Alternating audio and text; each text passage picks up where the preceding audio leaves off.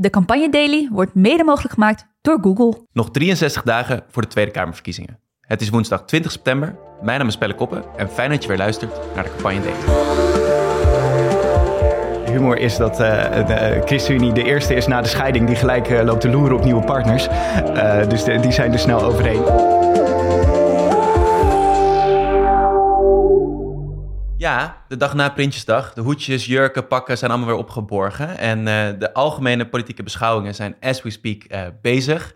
Uh, echt politieke handwerk in actie vandaag. De hoogmis van het politieke jaar. En alle politieke junks die zitten denk ik aan de buis gekluisterd op dit moment bij Politiek 24. maar wij gaan alvast een beetje terugblikken op gisteren en vooruit beschouwen op wat er vandaag daar allemaal zich afspeelt in Den Haag. Uh, dat doe ik uh, vandaag met Bianca Pander. Bianca, welkom terug in de podcast. Dankjewel. Ja, en uh, jij bent natuurlijk onze Friesin hier bij BKB. Gisteren was de troonrede en Omroep Friesland kopte te weinig aandacht voor Friesland en de regio in de troonrede. Dus ik was toch even benieuwd, is, was dat terecht of een beetje Calimero-gedrag? Het is totaal Calimero-gedrag van Friesland. Maar ik heb wel een tip voor Willem-Alexander volgend jaar, de, de, koning. Die moet gewoon één keer één woord in het Fries zeggen en dan is hij gelijk weer de koning van Friesland. Dus gewoon, komt helemaal goed. Nou, tipje voor volgend jaar van uh, Bianca voor onze koning. Uh, en we hebben een gast natuurlijk, uh, Bart Bolhuis. Bart, yes. welkom. Ja, dank je. Jij bent fractiemedewerker voor, voor de ChristenUnie in het Europees Parlement. je bent lang actief geweest ook bij de jongerenbeweging van de ChristenUnie, Perspectief. en jij was gisteren in Den Haag, hè? Ja, klopt, ja. Ja, ik was daar namens de Eurofractie bij de Tweede Kamerfractie. En hoe was Prinsjesdag? Uh, ja, altijd vet. Ja, het is toch het feest van de democratie, om maar even die afgezaagde zin te gebruiken. Maar, maar zo beleef je het toch wel een beetje. En ik hoor dat je stiekem ook nog een, uh, een bolletje bent ingesneakt daar. ja, dat klopt, ja. Ja, ik, ik, ik was namens de Eurofractie, dus ik, ik werk niet in de Tweede Kamer. Maar ik vond het ook wel leuk om bij de Nieuwsportborrel naar binnen te komen. Ja, Nieuwsport is het, uh, eigenlijk het perscentrum uh, van Den Haag... waar alle journalisten, maar ook alle politici gisteren waren. Ja, exact. En na het hele gebeuren van Pinsjesdag is daarna een borrel met eigenlijk iedereen die daar de hele dag prominent loopt te doen. Toet Den Haag. Toet Den Haag. En Nico Drosta. Ik, zeg Kamerlid, maar, voor, Kamerlid voor de ChristenUnie, hè? Nico Kamerlid Drost. voor de ChristenUnie. Die, ik, ik ben als ware ik zijn zoon naar binnen geloodst. en de beveiliging geloofde het helemaal. Dus ik was binnen. En was het gezellig borrel? ja, was lachen. Ja, dat is wel heel leuk. Ja. ja. ook wel een beetje, ik voel me dan toch nog wel een beetje een soort brugklasser tussen alle, alle uh, hoge heren en dames. Maar het uh, is heel leuk. Nou, leuk dat je er was en leuk dat je vandaag uh, hier bij ons bent. laten we Prinsjesdag even voor wat het was en gaan we het hebben over de algemene politieke beschouwingen. Elk jaar debatteert de Tweede Kamer de dag na Prinsjesdag over het beleid, dat het kabinetsbeleid dat de dag daarvoor is gepresenteerd. En vandaag op woensdag zijn alle fractievoorzitters aan de beurt. Het zijn er 21 uh, op dit moment. Een hoop, een hoop mensen die aan het woord moeten komen. zij krijgen de kans om allemaal een beetje ja, te reageren op het beleid wat gisteren gepresenteerd is. Hun eigen visie neer te leggen. echt de hoogmis van het politieke jaar. En zo begon dat vanochtend. Dan gaan we van start. En dan geef ik als eerste het woord aan de heer Wilders. En hij zal spreken namens de PVV. Gaat u gang. Ja, Geert Wilders uh, mocht dat traditiegetrouw uh, aftrappen, zou je haast zeggen. Dat is zo omdat hij de grootste oppositiepartij in de Tweede Kamer op moment is. Dus uh, vandaar dat Wilders mocht beginnen. Dat was, zoals we de afgelopen jaren ook hebben gezien, maar deze, uh, deze algemene politieke beschouwingen, APP zullen we misschien zeggen in het vervolg van deze podcast, zijn toch anders dan andere jaren, hè Bianca? Ja, het is eigenlijk gewoon uh, het grootste verkiezingsdebat wat we dit jaar gaan krijgen. Uh, kijk, dat is eigenlijk altijd zo. Normaal ook al, een van onze collega's noemt het de langste politieke zendtijd die er is. Dat klopt ook, want hier kunnen de partijleiders, de fractievoorzitters hun visie op het land eigenlijk vertonen. Want je mag, normaal heb je natuurlijk debatten waar het gaat over één klein deelonderwerpje en dan kan je daarop focussen. Maar nu kan je over de hele rijksbegroting iets vinden en het hele plan. En dat is dus eigenlijk jouw visie voor Nederland. Dus je kan echt weerleggen uh, dat je het beleid slecht vindt en dat jij een beter plan hebt. Dus het is gewoon, ja, je kan jezelf positioneren nu. Waar ja. sta jij voor en wat ga jij doen als je volgend jaar wel de macht krijgt eigenlijk? Ja, dus het grootste verkiezingsdebat zeg je dat we, dat we zullen hebben. Ja. Um, dus het is eigenlijk ook al een campagnemoment, of niet Bart? Ah, absoluut, je kan echt iedereen en zijn moeder erbij halen en het, en het mag uh, vandaag. Uh, en uh, Wilders, nou, ik maak me een beetje zorgen over Wilders zelfs een beetje, want hij, hij is opeens veranderd. Maar hij is ook heel erg in de war, denk ik. Omdat zijn, zijn grote tegenstrever, maar ook zijn grote vriend om aan campagnesucces te komen, Rutte, daar kan hij niks meer mee, want die gaat stoppen. Uh, dus uh, hij, hij, hij moet de VVD aanvallen, maar het lukt hem niet echt. Dus hij omarmt ze nu maar. En ik denk dat het een soort Griekse tragedie wordt, waarin de VVD en PVV samen ten onder gaan. Uh, misschien is de wens een beetje de moeder van de gedachte, maar Zou toch lekker zien. zijn. Ja. Dat is al een beetje een vooruitblik op het debat. We, eh, we zagen Wilders inderdaad het eh, debat traditioneel aftrappen. En het viel inderdaad wel op dat hij minder geïnterrumpeerd werd dan voorgaande jaren. Normaal gesproken was Wilders graag een boksbal waarin de hele Kamer zich tegen verzette. Maar het bleef eh, best wel koeltje. En dat heeft natuurlijk alles te maken met die campagne eh, die al in volle hevigheid is losgebarsten. Eh, interessant eh, aan die dynamiek van de ABP dit jaar is natuurlijk dat eh, de fractievoorzitters van de twee, eh, nou, twee partijen die het heel goed doen in de peilingen, eh, Caroline van der Plas met de BBB en Pieter Omzicht eh, met zijn nieuw sociaal contract, pas heel laat mogen spreken. En dat komt omdat ze mogen spreken op volgorde van groot in de Kamer. Op dit moment zijn beide partijen relatief klein. Dus ze zullen pas tegen middernacht of in ieder geval laat op de avond spreken. En die heilige graal van zo'n ABP, een, een quoteje in het 8 uur journaal of zelfs een nieuwsuur, zullen ze missen. Ehm, ja, toch wel, we gaan toch wel naar ze kijken, hè? ook al zijn ze laat op de avond aan de beurt. Nou ja, ik, zat net een heel klein stukje even te kijken. En dan was eh, eh, de VVD aan het woord. En dan zie je al wel dat daar echt al veel geïnterpreteerd wordt. Dus bij Rutte of bij eh, Wilders was het nog niet zo, nu wel. En je gaat het de gedurende dag steeds meer zien. Eh, dat partijen hun eh, positie kiezen ten opzichte van andere partijen. Dus als we gaan zien waar gaat eh Caroline van der Plas, wie wordt haar grote tegenstander, dan gaat ze waarschijnlijk meer interrumperen. Degene die ze dicht bij zich wil houden, gaat ze misschien helpen. En je gaat gewoon zien dat, want je mag drie keer interrumperen als partijleider. Dus dan dan mag je ga je. interrumperen in het verhaal van een andere partijleider. Ja, hè? ja, en dat mag dus bij elke partijleider opnieuw. Ja. Dus je gaat gewoon heel erg strategisch kiezen. Waar ga ik interrumperen? Op welke manier? Wie ga ik helpen? Wie ga ik aanvallen? En hier zie je eigenlijk de gedurende de komende dag... wat wordt het politieke spel de komende maanden? Ja. En wa- wat willen zij? De bedoeling is natuurlijk dat je die acht uur streep haalt voor een Caroline en een, en een omzicht. Eh, en ze zullen dus een daverende interruptie willen neerzetten om daar toch te komen. Ja, en denk je ook, denken jullie dat in die bijdrages dan ook van die andere politieke leiders, we hadden het net al even over Rutte is weg, dat, dat er veel stelling genomen zal worden met tegen BB en eh, NSC? Ehm, ja, ik denk het wel. Maar ik denk ook dat eh, je, je kiest natuurlijk ook bewust wie zie jij als jouw grote tegenstander. Dat is ook een keuze. En zie je een partij als NSC die er nog niet echt is, hè, weet nog niet of wel of niet eh, om zichzelf de premierskandidaat wordt, ga je die al aanvallen of denk je ja, dat is eigenlijk nog niet een serieuze tegenkandidaat. Ik focus me toch op eh, GroenLinks PvdA. Dus dat, dat ga je denk ik ook wel een beetje zien. Van Ja. wie zien ze als hun natuurlijke tegenstander. Iedereen probeert er natuurlijk een soort tweestrijd van te maken. Mhm. Daar hebben we het eerder in deze podcast over gehad. Dat is lekker in de politiek. Een tweestrijd, dat kan je makkelijk uitleggen. Eh, kan je goede frames tegenover zetten. En dat gaan ze denk ik ook een klein beetje proberen voor elkaar te krijgen in het ABP. Dus gaan echt die verschillen met andere politieke partijen proberen eh, Ja. te vergroten. Alleen ik denk dat het dilemma is, Omzicht heeft zoveel goodwill in dit land, dat als jij een VVD bent of D66 en je gaat Omzicht aanvallen, dat het gevaar eigenlijk is dat het tegen je Ja, gaat ja. werken. Ja. Ja. Eh, en daar, daar moet je toch voor uitkijken. Dus je zit in een heel lastig dilemma dat je die tweestrijd eigenlijk wil met de grootste tegenstander, een Omzicht of een Caroline, maar niet je eigen kiezers tegen je in het harnas wil raken. En zeker voor een VVD is dat heel complex. Interessant. Daar zie je gelijk al het politieke spel met interrupties, momenten dat je mag spreken en natuurlijk ook ja, de inhoud waarmee je interrumpeert. Eh, misschien een korte vraag daar nog over, want je noemde al even GroenLinks PvdA. Spreken die met één mond vandaag? Of hoe, het zijn nu Ja. nog twee losse fracties in het parlement. Nou, ik zag op de lijst alleen Jesse Klaver die namens beide fracties het woord gaat voeren. Oké, interessant. Eh, en dat is ook logisch, want eh, hij staat ook gewoon op de lijst hè, als de nummer drie. Eh, hij gaat waarschijnlijk onderdeel worden van het drietal Timmermans, Esmeralda en, en voor, richting GroenLinks natuurlijk de oude partijleider. Dus ik denk dat het heel logisch is dat ze hem naar voren schuiven. Eh, want de, de fractieleider van de PvdA die verdwijnt uit de Kamer. Dus waarom zou je die nog zoveel airtime geven? Ja, dus dat is een keuze die zij maken. Interessant is natuurlijk ook dat eh Jezilgus, eh lijsttrekker voor de VVD, in vak K zit, het vak van het kabinet. Dus die zullen we niet horen vandaag. Henrik Bontebal is naar voren geschoven als eh, nieuwe fractievoorzitter, ook in de Tweede Kamer. Dus die zal spreken. Christoffer van de SGP eh, zal voor het eerst spreken. Dus ook wel allemaal namen waarop gaan letten, hè Bart? Ja, absoluut. Na 25 jaar lang van de staai, of ik weet niet hoeveel jaren nog meer, hebben we een nieuwe SGP-leider. En ja, ik vind het ook wel fascinerend. Omdat juist Van der Staaij ook bekend staat om zijn trucjes of zijn beelden die hij meeneemt. eh, waar toch iedereen een beetje op zit te wachten. Of, dat is wel eh, humor. Eh, ik ben benieuwd of eh, Stoffer ook in die schoenen kan staan. in die schoenen kan stappen. Ja. Ja. je had het een beetje over die voorbereiding. Dus de trucjes, de interrupties eh, eh, die je als fractievoorzitter of als partij meeneemt eh, naar die algemene politieke beschouwingen.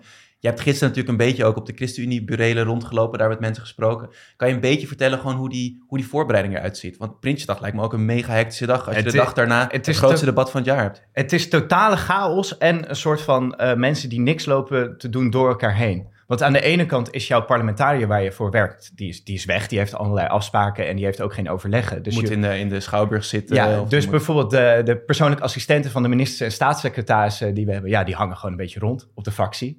Eh, en die moeten morgen ja ook de hele tijd rondhangen. Maar de, hun minister gaat ook niet, niks zeggen, dus we hoeven daarvoor eigenlijk ook weinig te doen. Eh, maar aan de andere kant wordt er de hele tijd ge- gehamerd bij de medewerkers van, joh, begin met interrupties bedenken. Begin met nadenken over welke vragen we stellen. En er is iemand heel hard een tekst voor Mirjam aan het typen. En Mirjam Bikker. Mirjam Bikker, de ja. leider van de ChristenUnie. Ja, het is belangrijk om dat helemaal te zeggen. En eh, als zij dan binnenkomt tussen alle dingen die zij aan het doen is, dan is het eh, Mirjam Bikker. We hebben hier voor jou de tekst. Eh, en dan heb je een half uurtje van, goh, wat vind je eigenlijk van de richting waar we op gaan? Ben je het hiermee eens? Moeten we wat aanpassen? En dan zegt zij zo heel snel van, nou, ik vind dit wel goed, dit niet goed. Misschien dit er nog aan toevoegen. En dan gaat er iemand weer typen. En gisteravond zat ze ook nog bij op één. Nou, en dan kan je er donder op zeggen dat ze daarna de speech nog krijgt. Dus dat ze vannacht heeft lopen studeren. Hectisch bestaan voor zo'n eh, politicus of politica, Bianca? Ja, niet normaal. Ik vond het vorig jaar was ik eh, als plus één mee van Esther Ouwehand. Het was ook echt fascinerend. Om- voor de Partij voor eh, de van de dieren. En dat is echt fascinerend. Zij heeft natuurlijk altijd een statement jurk of een statement pak, zoals gisteren aan. En dan zie je al dat ze daar heel erg mee bezig is, omdat dat statement ook bijdraagt aan, aan de positionering van de partij. Dus dat ze daar gesprekjes over voert, filmpjes over maakt, heel veel foto's, naar de juiste blog sturen. En tegelijkertijd zag ik haar de hele tijd vorig jaar denken: oké, dit is wat de koning gezegd heeft, dit is het plan. De koffertje wordt gewoon aangeboden. Wat, wat wordt mijn verhaal? Wat wordt de grote lijn? En ondertussen moet je ook overal op reageren. Je moet ook nog naar de juiste borrels. En je moet nog even je gezicht laten zien bij, die, eh, bij dit medium en dat medium. Dus ik vond het echt ongelooflijk knap dat je zo snel kan schakelen. En tegelijkertijd eigenlijk al bezig bent met je politieke verhaal. Het politieke verhaal. eh, Dat je kunt houden in de Kamer van het jaar. Dus dat is echt, eh, ja, je, je moet wel op heel veel borden tegelijkertijd Ja, schakelen. schakel op heel veel borden, Ja. want je bent nadenken over het jezelf positioneren. Eh, maar tegelijkertijd moet je ook zo'n hele begroting doorploegen. Taaie materie, je wil daar natuurlijk iets fundamenteels over kunnen zeggen. Je wil daar ook echt met concrete verbeteringen of aanscherpingen op kabinetsbeleid komen. Ehm, laten we even kijken naar, eh, naar de inhoud dan en naar die begroting die gisteren werd gepresenteerd. Eh, ja, je hoort eigenlijk overal dat het een behoorlijk beleidsarme begroting was en is. Eh, er zijn weinig grote nieuwe keuzes aangekondigd eh, door het demissionaire kabinet. Dat is natuurlijk ook logisch, omdat dit kabinet demissionair is en daarom ja, niet te grote politieke besluiten kan en mag nemen. Maar er was één ding wat wel opviel, waar het kabinet het wel over eens was en waar ze veel geld voor uittrekken. Laten we heel even luisteren naar minister van Financiën Sigrid Kaag gisteren in de Tweede Kamer. Het Centraal Planbureau becijferde onlangs dat als we niet zouden ingrijpen, het aantal volwassenen en kinderen in armoede zou stijgen. Dat is onaanvaardbaar en daarom neemt het kabinet maatregelen om de koopkracht van kwetsbare huishoudens te stutten. Zo vermindert het aantal kinderen dat opgroeit in armoede. Ja, 2 miljard extra. Dat is een eh, behoorlijke som geld die een demissionair eh, kabinet uittrekt. eh, specifiek voor het bestrijden van armoede. Ja, hoe, hoe leggen jullie die keuze uit? Nou, kijk, een paar weken geleden kwam inderdaad het rapport eh, uit waar Sigrid Kaag ook naar verwijst. Dat er dus tienduizenden kinderen extra in armoede zouden opgroeien. Ja, dat kan je natuurlijk echt niet verkroppen als eh, kabinet richting een, een campagnetijd. En zeker niet een campagne waarin bestaanszekerheid een van de hoofdthema's lijkt te worden. eh, of eigenlijk al is. Ja, daar moet je natuurlijk ingrijpen. En op deze manier haal je ook een beetje het wind uit de zijde bij je oppositiepartijen. En misschien ook wel je eigen coalitiepartners, by the way. Kijk ik even naar rechts hier. Maar Nou, eh, Ja, ik denk dat dit ook. Het is een overwinning voor de mensen die te maken hebben met, eh, met armoede. Maar het is ook een overwinning van Carola Schouten. Die Ja. als minister voor eh, armoedebeleid En van welke partij is zij? van de ChristenUnie. Ah, toevallig. Ja. Ja. Dit is eh, geen campagnepraatje.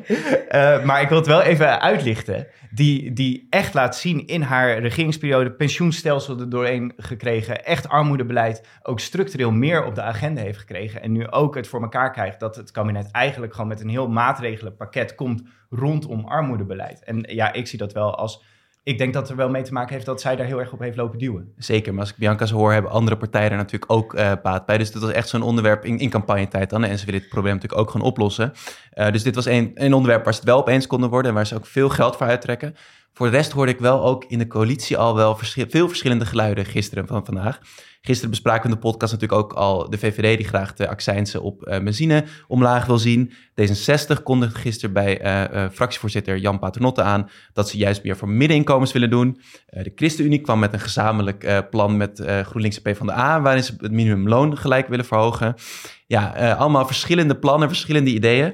Ik hoorde vanochtend uh, bij BNR Nieuwsradio Jurgen van den Berg, politiek commentator, zeggen... Het is, uh, de begroting toont het uiteenvallen van een slecht huwelijk... waarbij eerst de kinderen worden gered. Ja, echt, heel, echt een hele goede typering, vind ik. Zeker, maar dan zie je ook wel dat voor de coalitie de campagne ook echt is begonnen. absoluut. En de humor is dat de ChristenUnie de eerste is na de scheiding... die gelijk loopt te loeren op nieuwe partners. dus de, die zijn er snel overheen. En je ziet ook andere partijen natuurlijk wel... ja, ja, loeren eigenlijk van uh, kunnen we niet toch op een andere manier onze wilde doorheen krijgen. Maar kijk, ChristenUnie zich totaal positioneren, we mogen niet zeggen op, op links. Hè. Die, is zich, die is zich aan positioneren als een progressieve sociale partij. Uh, omdat ze zo snel mogelijk weg willen van de VVD. Hè. Je hebt in de afgelopen kabinetten gezien, zo als je lang met de VVD uh, regeert, dan word je gedecimeerd. Dat zie je nu bij D66. Dat is ook een risico voor het ChristenUnie geweest. Dus die proberen ze nu te zeggen, nee, maar wij waren wel echt de sociale partij in, in het kabinet. En we zullen ook de sociale partij zijn die opkomen voor bestaanszekerheid, uh, voor een sociaal land. En je ziet ze enorm dat doen. En daarom denk ik ook die, dat, hè, de tegenbegroting, uh, samen met PvdA GroenLinks, denk ik, om te laten zien, wij zijn geen onderdeel meer van dit kabinet. Wij zijn de scheiding echt wel door, vrienden. Ja, ja wij, zijn er, wij zijn er overheen. Ja. Precies. Um, en je ziet natuurlijk niet alleen coalitiepartijen dit doen. Uh, uitspraken bijvoorbeeld van, uh, van andere politiek leiders. Geert Wilders die noemt het budget dat het kabinet vrijmaakt voor armoedebestrijding veel en veel te mager. Esther Ouwehand haalt de grote bedrijven erbij. Het is niet te bevatten dat zij nauwelijks belasting betalen en dat lage inkomens wel door achteruit op gaan. Dus je ziet dat al die politieke partijen uh, flink aan het profileren zijn, zowel binnen als buiten de coalitie.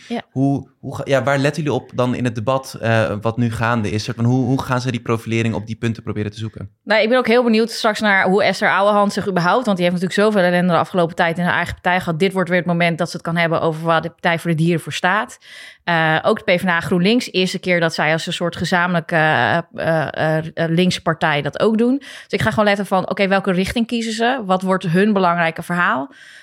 maar ik ga ook opletten hoe, inderdaad hoe ze gaan aanvallen. En ja, ik ga morgen ook kijken, want morgen gaat het over de moties en uh, wat gaan we veranderen. En, uh, en, want dat wordt interessant. Vandaag is het grote verhaal. Morgen is het tijd om uh, echt veranderingen aan te brengen in de begroting. En, en, en, het ook te laten zien dat jij een fixer bent. Dat je het ook kan regelen voor mensen. Ja, dus vandaag echt de inleidende beschietingen. Ja. Morgen gaat er Morgen behandeld en geregeld worden. Precies. Ja. Waar ga jij nog op letten de rest van het debat? Ja, nou, je zei al een beetje gekscheren net, Bart, dat je hier met een beetje FOMO zit in deze podcast, omdat je niet het debat kan kijken. Ja, ja, ja, ja, ja. ja. Ik ben van mijn uh, junkie-infuus afgehaald. Uh, zo voelt het een beetje.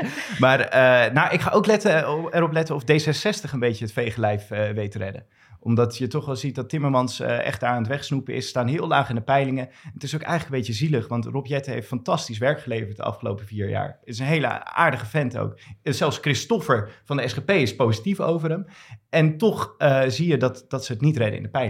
Dus ik ben heel benieuwd of ze dat nog weten om te keren. Ja, Gaan we zeker op letten. En uh, voor uh, politieke junks of niet-politieke junks die dit wel willen volgen, waar, waar kunnen ze dit kijken, Bart? Ja, nou, ik, uh, ik gebruik altijd debat direct of tweedekamer.nl. Zetten we ook in de, van, zetten we in de show notes ook overigens. Ja. en daar, daar kan je alles terugkijken en ook zelfs je favoriete spreker opzoeken en gewoon alleen luisteren wat jij leuk vindt. Maar, ja, gek, dus ze hebben al alle clipjes klaarstaan voor je. Je kan gewoon terugscrollen, kijken. En je kan ze zelfs downloaden en doorsturen. Nou, kijk, voor de luisteraar hier een mooie, mooie volgtip. Um, ja, Bianca blikt er een beetje voor, uh, op vooruit. Morgen gaan de algemene politieke beschouwingen door. Dan gaat er echt uh, shit geregeld worden. Um, dan gaan er moties, het kabinet mag dan daarop reageren. Uh, en dan gaan we natuurlijk Mark Rutte zien, uh, demissionair. De grote Mark Rutte show, nog ja, één keer. Nog één keer inderdaad. Normaal gesproken is dat eigenlijk een beetje het hoogtepunt. Ja, uh, ja als je tegen de premier en met de premier in debat gaat, dat wil iedereen. maar morgen ligt het anders. Daar gaan we morgen uitgebreid op in en over spreken. Maar ehm, ja, Mark Rutte, het is wel een beetje de premier ook van jouw hele, hele jonge leven. Hè? Nou ja, ja, ik leef al een soort van in mijn hele bewuste leven onder de Ruttatuur. En uh, ik, ik, ik, ik, wantrouw hem ook eigenlijk een beetje of hij het toch nog stiekem gaat doorzetten. Want je hoort hem nu ook al de hele tijd nog droppen van... nou ja, we weten maar nooit. Hè? Misschien zit ik hier volgend jaar ook nog. Hij wil nog geen afscheid nemen. En ik wantrouw hem ook. Ik denk ook dat hij het kan flikken. Dus uh, ik hou mijn hart vast. Uh, ja, ik ben heel benieuwd of hij niet toch nog een streek uit die hoge hoed trekt. En ik denk mijn generatie met mij. Gaan we morgen naar kijken. Bianca, uh, Bianca jij uh, kijkt denk ik ook met interesse in uh, hoe Mark Rutte zich morgen wel of niet staande houden. Ehm, dit was voor vandaag. Heel erg blij dat jullie allebei wilden aanschrijven, Bianca. Dank Bart dat je ook wilt langskomen. morgen zijn we er weer rond een uurtje of vier. Dan gaan we uitgebreid terugblikken op dat debat. vooruitblikken op wat Mark Rutte allemaal te zeggen heeft. Ehm, voor die tijd, like, deel en share nog even deze podcast. En dan zijn we morgen bij je terug. Fijne middag nog. Ciao.